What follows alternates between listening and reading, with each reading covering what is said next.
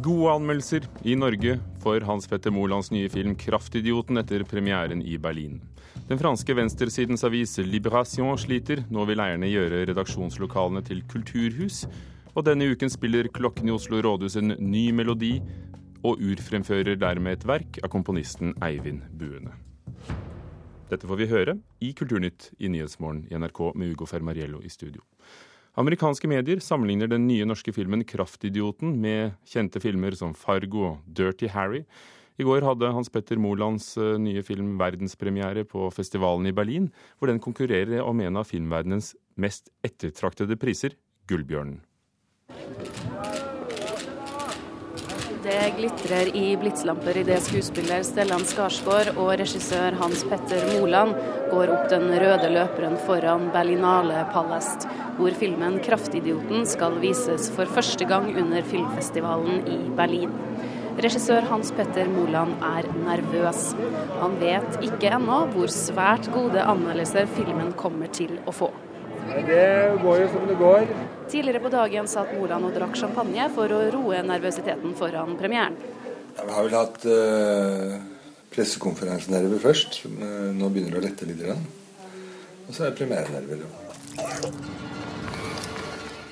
Kraftidioten handler om Nils, spilt av Stellan Skarsgård, som kjører snøplog i en fjellandsby. Da sønnen hans forsvinner, blir Nils dratt inn i et narkotikaoppgjør mellom norsk og serbisk mafia. Hva vil du? Han har til Ingvar. Ryktet sier at Ingvar har stjålet en veske fra greven. Skarsgård var i motsetning til regissøren ikke så nervøs for filmens mottakelse. Nei, ikke premierenerver. Og dessuten så Jeg tror at det kommer å gå veldig bra for den. den, den har jo redan solgt til de fleste territorier i verden, tross at den ikke har hatt premiere. Dette er den fjerde filmen Stellan Skarsgård spiller inn sammen med Hans Petter Moland. Og han koste seg denne gangen også, selv om det var kaldt. Ja, han er pojken som får ut meg å leke va, i snøen. Ellers skulle jeg aldri komme ut. Det er jo eventyr, og det, og det, er jo fantastisk, men, men det, det rolige er jo Jeg er ingen utomhusmenneske, men, men når man er ute og leker med Moland, så blir det kul. Mens filmen pågår, tikker det inn anmeldelser fra verdensberømte tidsskrifter som Variety, Hollywood Reporter og Screen. Alle like hyllende. Filmen sammenlignes med kjente filmer som Fargo og Dirty Harry, Moland med registørrelser som Tarantino og Cohen-brødrene. Og flere spår en amerikansk remake. Ryktet sier at Ingvar har stjålet en veske fra greven. Greven? Jeg du da? Glem det, Nils. På vei ut av kinosalen var både publikum og skuespillerne fornøyd med anmeldelsene og filmen. Så kult. Men det var jo akkurat sånn opplevelse som jeg leste manus òg. Jeg så filmen første gang nå. Jeg syns det var en kjempedeilig film. Ja, og det var jo akkurat litt i landskapet der som jeg tror du syns Hans Petter har fått til. Ja, Veldig befriende, bare. Veldig, veldig, veldig morsomt å se. Så. Jeg vet ikke at det gikk veldig bra, jeg, ja, altså folk på premieren i Berlin i går kveld, og om filmen vinner Gullbjørn blir avgjort førstkommende lørdag, reporter Eirin Venås Sivertsen. Einar Gullvåg Staalesen, NRKs filmkritiker, du så 'Kraftidioten' i Berlin i går. Hvordan er den? Det er en flott, velgjort, veldig presist gjennomarbeidet film. En svart gangsterkomedie med brøytebiler, snøfresere, norsk terreng. Et fantastisk norsk landskap. Det er eh, en film med dødsannonser, 19 stykker av de. Med kors, ortodokse kors, og én med davidsstjerne og én med Human-Etisk Forbundsmerke. Og det handler altså da om drap. Og det handler om familieforhold, mafiose grupperinger og annet fiendskap. Det hele starter med at uh, brøytebilsjåføren der langt der oppe i fjellet får melding om at sønnen er funnet død på en jernbanestasjon, og at årsaken er overdose. Men far aksepterer ikke at sønnen har brukt narkotika, han må være drept. Så han begynner på hevnrunden. Det er veldig farverikt eh, hvis man syns at drap og gangstermiljø kan være morsomt. Så, så aksepterer man dette. Det er, Hans Petter Moland får det til. Det er massevis av norsk selvironi, massevis av små poengteringer, små registreringer. og det er fine typer. Men som aviser skriver her, Tagesspiegel i Berlin skriver at Skarsgård spiller et menneske, de andre spiller typer. Det er for så vidt uh, en god beskrivelse, men uh, typene er også interessante her, og meget velspillende. Manus er altså danske Kim Fups Åkesson, forfatter, tegneserieskaper og, og, kjent for flere filmer. Den første var komedien 'Den eneste ene'. Stellan Skarsgård fra Sverige er med. Eh, sveitsiske Bruno Gantz, som flere så som Hitler i Der Untergang. Eh, I hvilken grad er dette en norsk film? Det er en eksotisk norsk film, men med et internasjonalt nivå. Et, en veldig god internasjonal eh, standard, vil jeg si. Men ikke en, en internasjonal film som har utslettet karakteren i det, i det norske miljøet. Det er eh, altså norske forhold. Det er, norsk, norske mafiose bander, men til dels bestående av utlendinger. Det er serbere, det er, det er uh, estlendere, litauere, det er uh, albanere. Men det er altså norsk det hele i bunnen, og disse menneskene befinner seg i dette norske miljøet. Så er det også mange norske skuespillere med. Hvordan gjør de forskjellige det fra Stellan Skarsgård til de norske? Veldig bra. Altså, Det som er spesielt her, er at det er jevnt godt spill. Det er ingen som, som, som uh, trekker ned, ingen som faller utenfor. Det er usedvanlig godt instruert. Det har vært en veldig god stemning på dette settet, åpenbart. Det merker man, det ser man på, på det resultatet som foreligger. Hans Petter Moland sier at bare det å være med i hovedkonkurransen er på en måte å, å, å vinne, men hvilken hvilke sjanser har den til en gullbjørn? Det er ikke godt å si hvor, hvilke sjanser han har. Vi nordmenn tror jo selvfølgelig at vi har sjanser. Eh, det ser ikke ut til å være enstemmig begeistring i de kritikkene som jeg har uh, lest. Og det er ikke entydig heller i disse barometrene som kritikere og andre med filmforståelse deltar i. Altså Her gir man poeng til, til hver enkelt uh, film i konkurranse. Denne får f.eks. i Tagesspiegel en treer høyeste karakter, en toer, en ener og en null. Når filmen får norgespremiere i, i slutten av måneden, hvordan tror du den vil bli mottatt her? Hvis man ikke syns det er usmakelig å more seg over så mange drap, så, så, tror jeg den får et godt uh, publikum. Den har nok eh, også et, en, en, tone og en, en, humor som vil trekke mennesker til kino som ellers ikke ville ha valgt en slik gangsterkomedie. Takk skal du ha, Einar Gullvåg Staalesen, kritiker eh, for NRK i Berlin. Og Aftenposten gir Kraftidioten terningkast fire, beskriver den som iblant original og for det meste fornøyelig. Dagsavisen terningkast fem og kaller den morbid og vakker, mens VG gir terningkast fire og skriver at filmen er en habil sjangerøvelse og et eksotisk postkort til utlandet.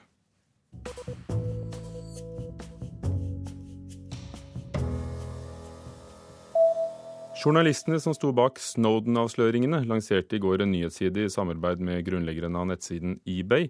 Siden heter The Intercept Avlytteren og publiserte i går nye historier om den amerikanske etterretningsorganisasjonen NSA. Ifølge en pressemelding vil nyhetssiden i begynnelsen fokusere på å formidle ennå ikke publisert innhold fra Edward Snowdens lekkasjer.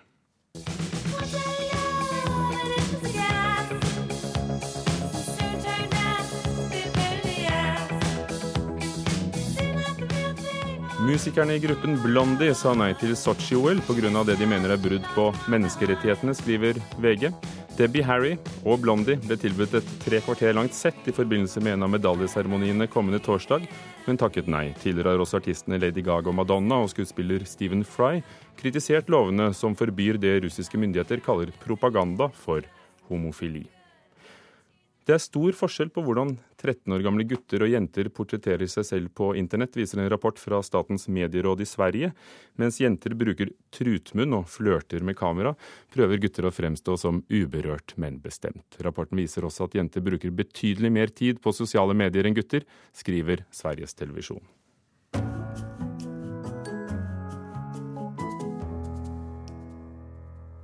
Frankrikes fjerde største dagsavis, venstresidens Liberation, har havnet i en av sine verste kriser noensinne siden oppstarten for 40 år siden. Avisens opplagstall har falt kraftig, og nå vil eierne gjøre om avisens hovedkontor til et kulturhus.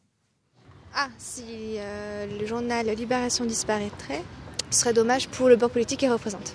Det vore synd om Liberation läggs ned, tycker unge leseren Virginia. Med tanke på at dette er en vänstertidning skapar det viss balans med den i övrigt så borgerliga pressen i Frankrike, mener hun. På bare ett år har Liberation tappat 15 procent.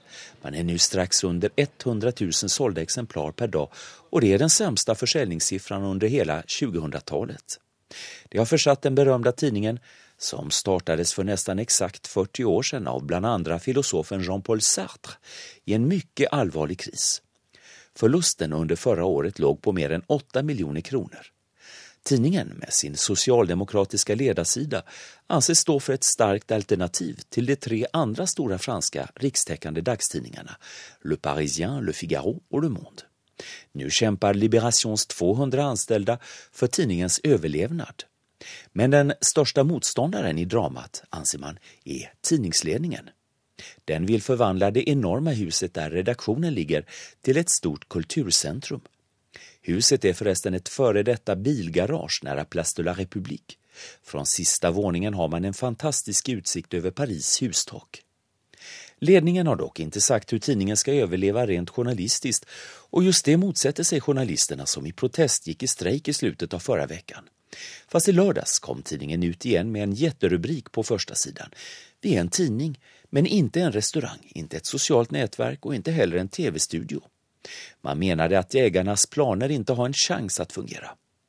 Fackföreningsrepresentanten Olivier Bertrand förklarar att det bästa sättet att protestera inte är att gå i strejk utan att genom tidningsartiklar skapa opinion mot ledningen. Visserligen förstår vi att det måste till vissa förändringar, säger biträdande redaktionschefen Alexandra Schwarzbrod. Men hon understryker att man inte kan acceptera att tidningsledningen ska satsa på allt möjligt utom just journalistik. Fast François Molias i tidningsledningen sa til radiokanalen France Inter går kveld at det er selvklart at Liberation bør forbli en dagstidning og som er trogen sin historie og sin politiske åskådning. Visserligen har Liberation haft økonomiske problem flere ganger tidligere, men hittil overlevd. Mange räds ändå at Liberation nå er inne på sin aller siste strid. Journaliststudenten Edgar Chaumont har forskat i varför fransk dagspress i allmänhet gått ner i upplaga det senaste året. Han anser att internet inte är den enda orsaken till tappet. Utan problemet är att många tidningar letar efter snabba och simpla skop. Men det de franska läsarna uppskattar mest, poängterar Edgar, är mer grävande reportage vilket gjør at de politiske veckotidningarna i sin tur går lika bra som før. Euh, Reporter i Paris, Johan Tolgert.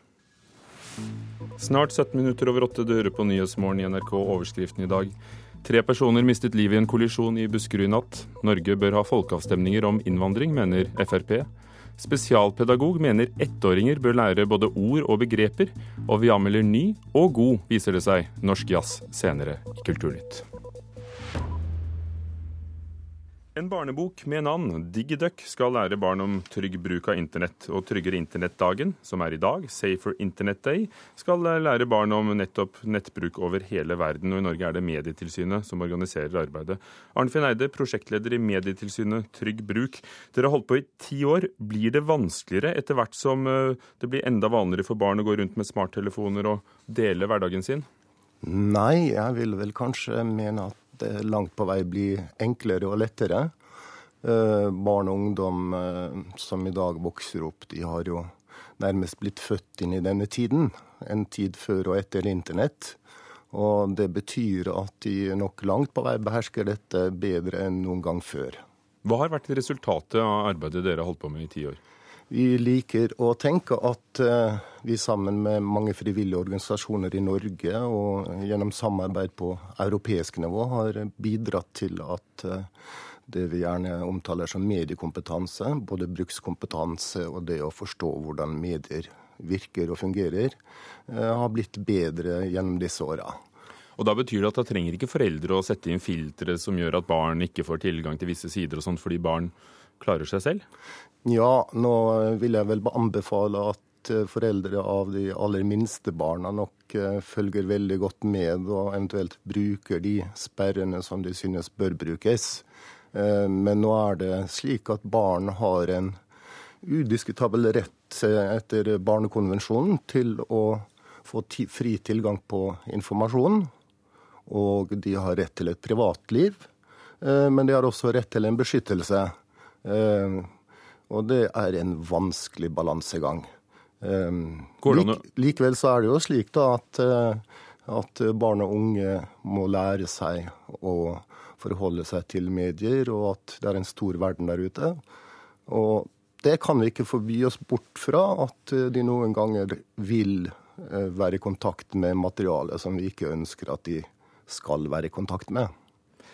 Går det an å måle resultatet av det dere gjør? Ja, nå gjør vi en eh, undersøkelse hvert andre år som vi eh, har døpt for eh, Barn og medier. Og den viser jo en utviklingstrend som, som både byr på godt og vondt. Hva er det vonde? Det vonde er vel kanskje at, sett fra vårt ståsted, at veldig mange barn blir sittende alene med de digitale mediene.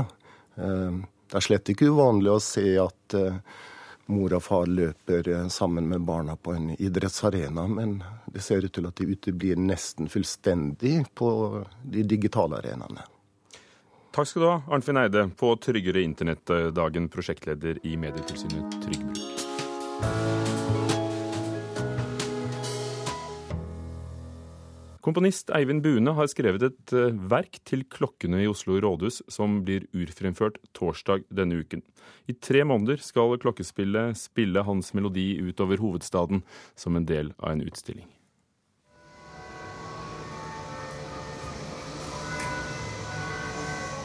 Slik er vi vant til å høre klokkene i Oslo rådhus. Men fra torsdag vil de få en annen klang.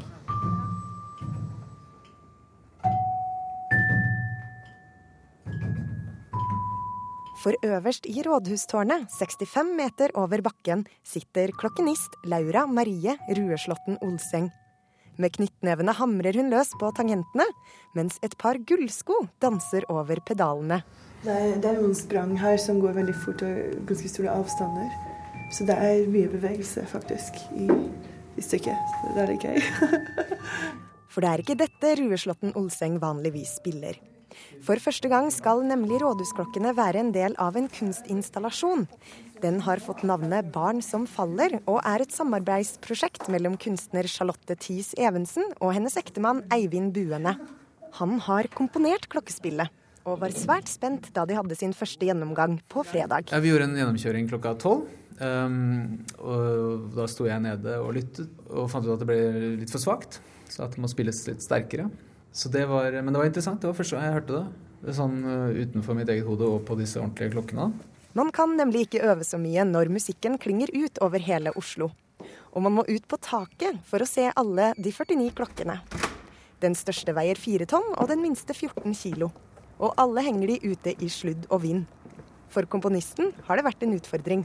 Ja, altså Det er en kombinasjon av å tenke på hvordan de ulike klokkene, altså hva slags lyd de har i seg, hvor fort det er mulig å spille. Men jeg, var faktisk, jeg hadde tenkt at et klokkespill er ganske sånn tungrodd og, og, og, klumpete, men jeg er overrasket over hvor virtuost man kan spille. Det er veldig, veldig spesielt. På et hjørne rett over gata for rådhuset skal resten av verket, signert Tis Evensen, stilles ut. Her skal det være ett en stor flatskjerm her.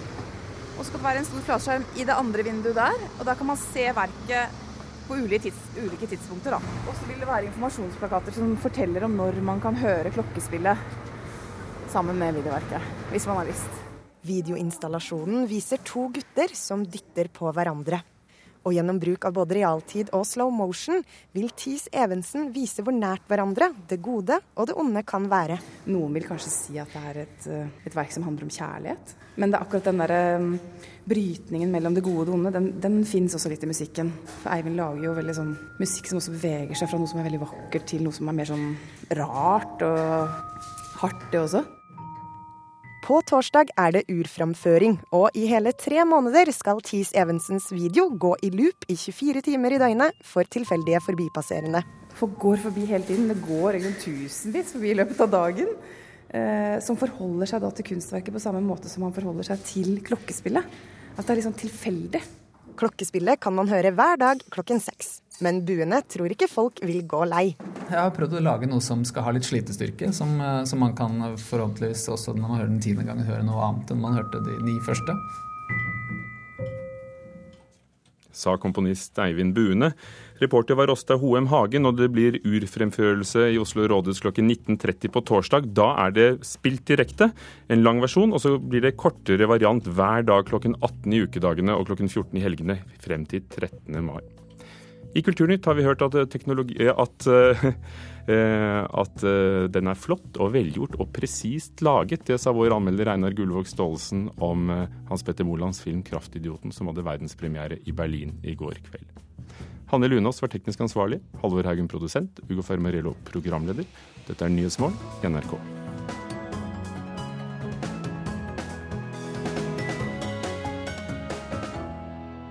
Hør flere podkaster på nrk.no podkast.